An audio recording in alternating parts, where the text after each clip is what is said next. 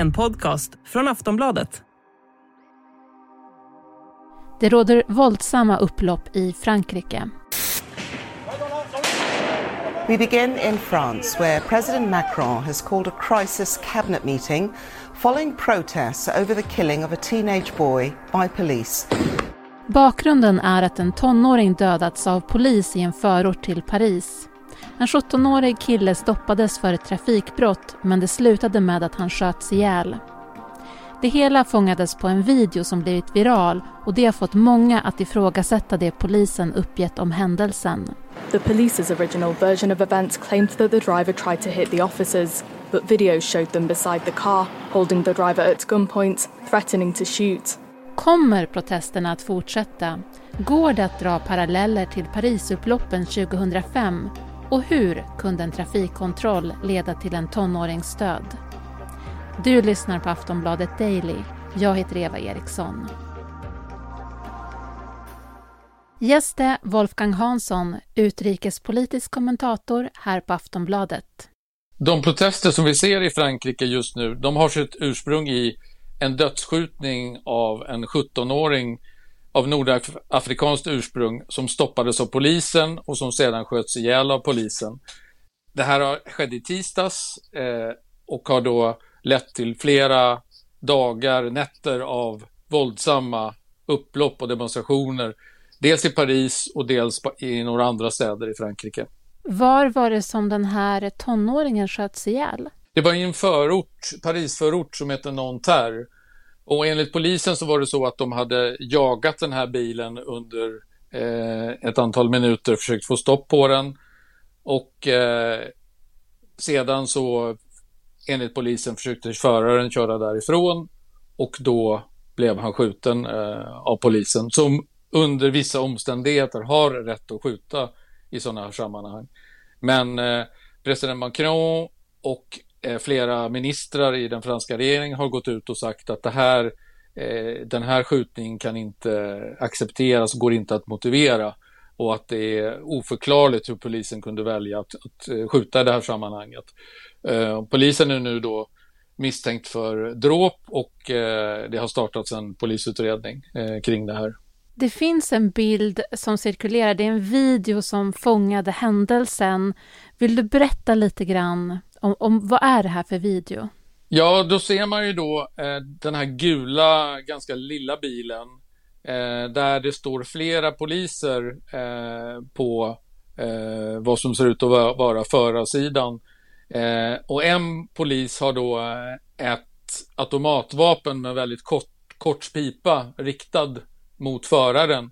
Och sen ser man hur bilen börjar eh, långsamt rulla framåt och då hör man hur ett skott går av. Och i nästa sekvens så ser man den här bilen stå kraschad eh, på gatan lite längre upp. Eh, och den här videon då är det ju, tycker ju då många bevisar att eh, polisen eh, inte berättar hela sanningen om det som hände och att det också det, att det ser ut som en avrättning. Men jag tycker det är väldigt svårt att eh, avgöra på de här bilderna vad det är egentligen som sker. Man, man ser ju inte heller föraren, man ser inte om det sitter andra i bilen. Eh, man, man, vi vet ingenting om de närmare omständigheterna än så länge. Det, det är väldigt knapphändiga uppgifter som har kommit ut så här långt. När det kommer till 17-åringen och dens anhöriga och så, vad, vad vet man? Vad har liksom... Kan du berätta någonting så att man, man förstår lite mer om den här 17-åringen, familjen och så?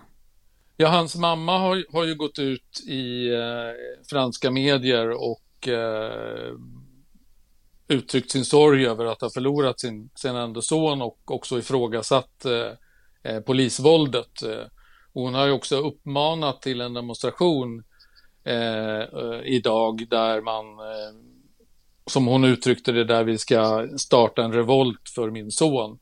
Eh, och det är ju många människor av de som bor i, i de här förorterna till Paris. Det är ju också väldigt många invandrare som bor här eller födda, folk som inte är födda i Frankrike eller av utländsk eh, härkomst på annat sätt.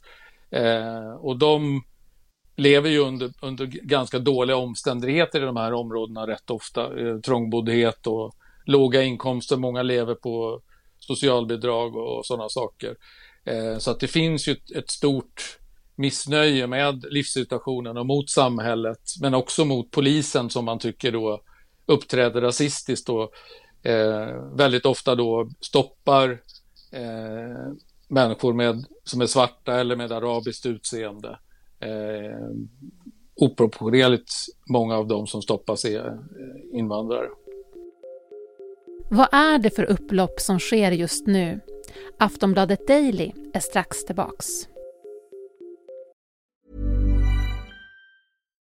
Millions of people have lost weight with personalized plans from Noom.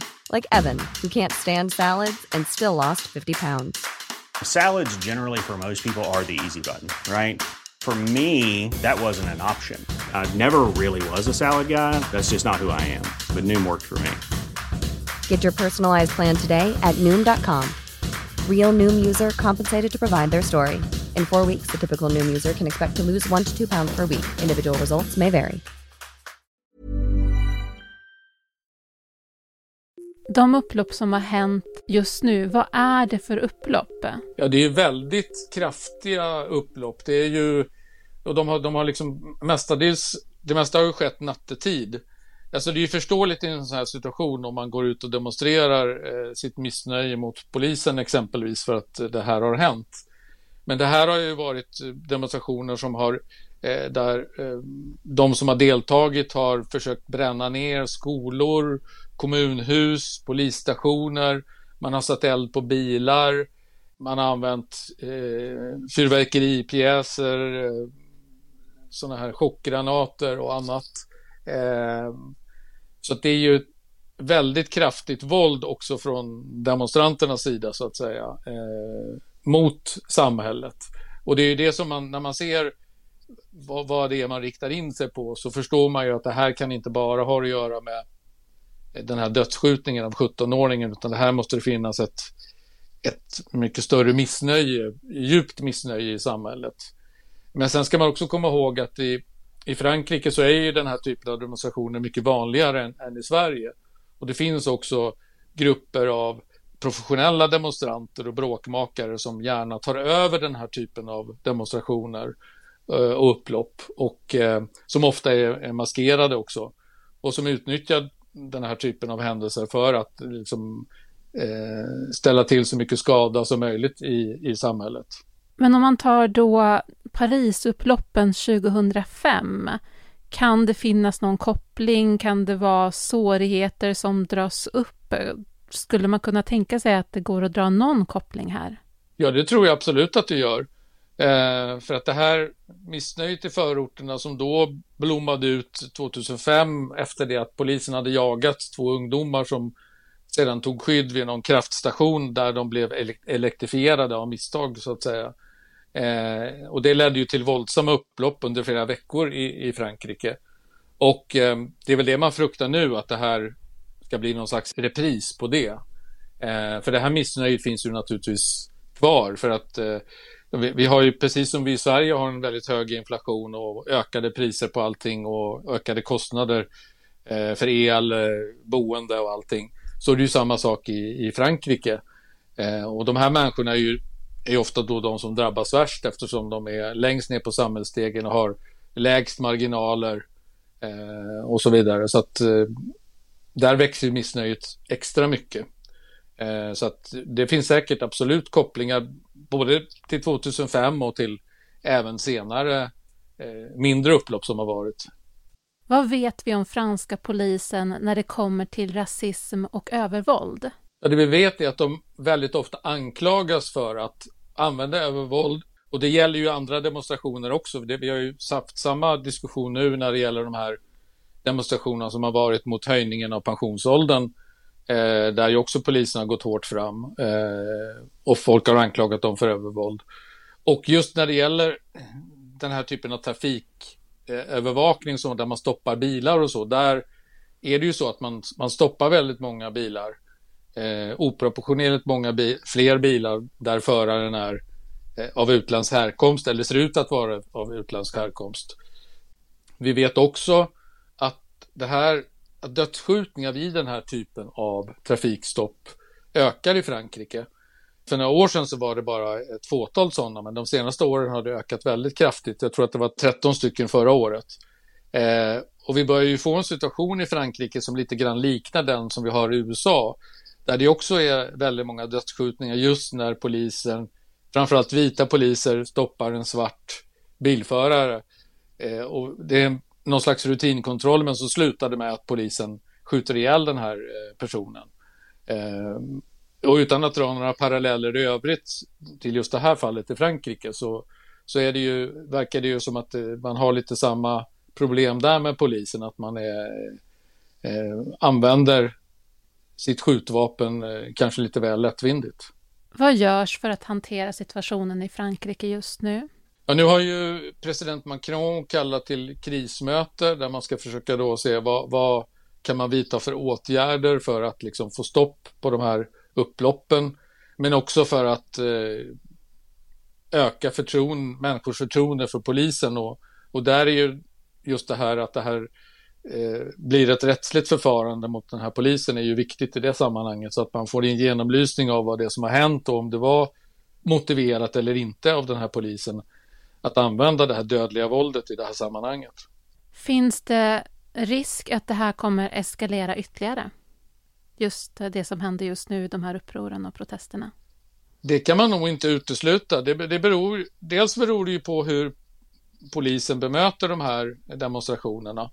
Det är ju en sak att man så att säga ingriper mot upprorsmakare som eh, sätter eld på, på saker och ting och, och eh, förstör saker.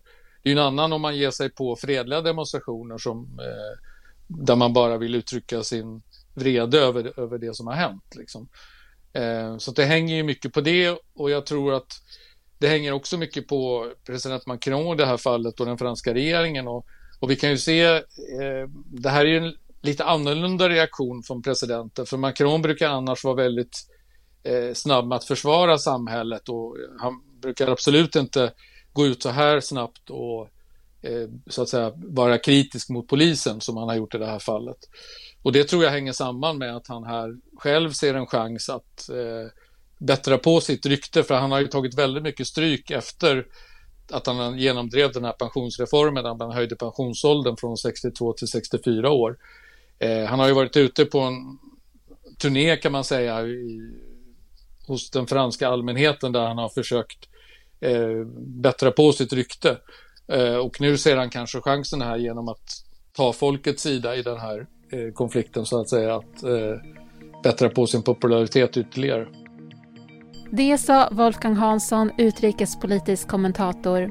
Den här intervjun den spelades in torsdag den 29 juni. Du har lyssnat på Aftonbladet Daily med mig, Eva Eriksson.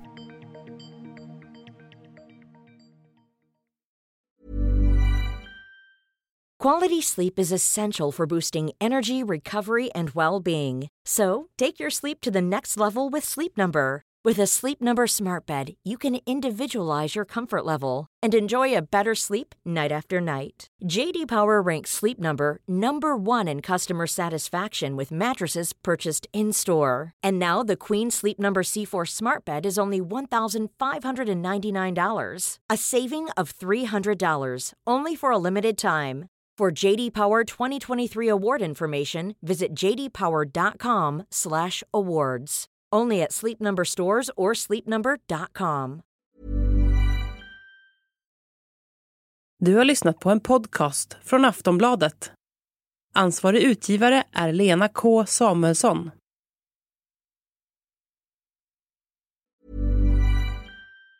Tired of ads barging into your favorite news podcasts? Good news. Ad-free listening is available on Amazon Music. For all the music plus top podcasts included with your Prime membership.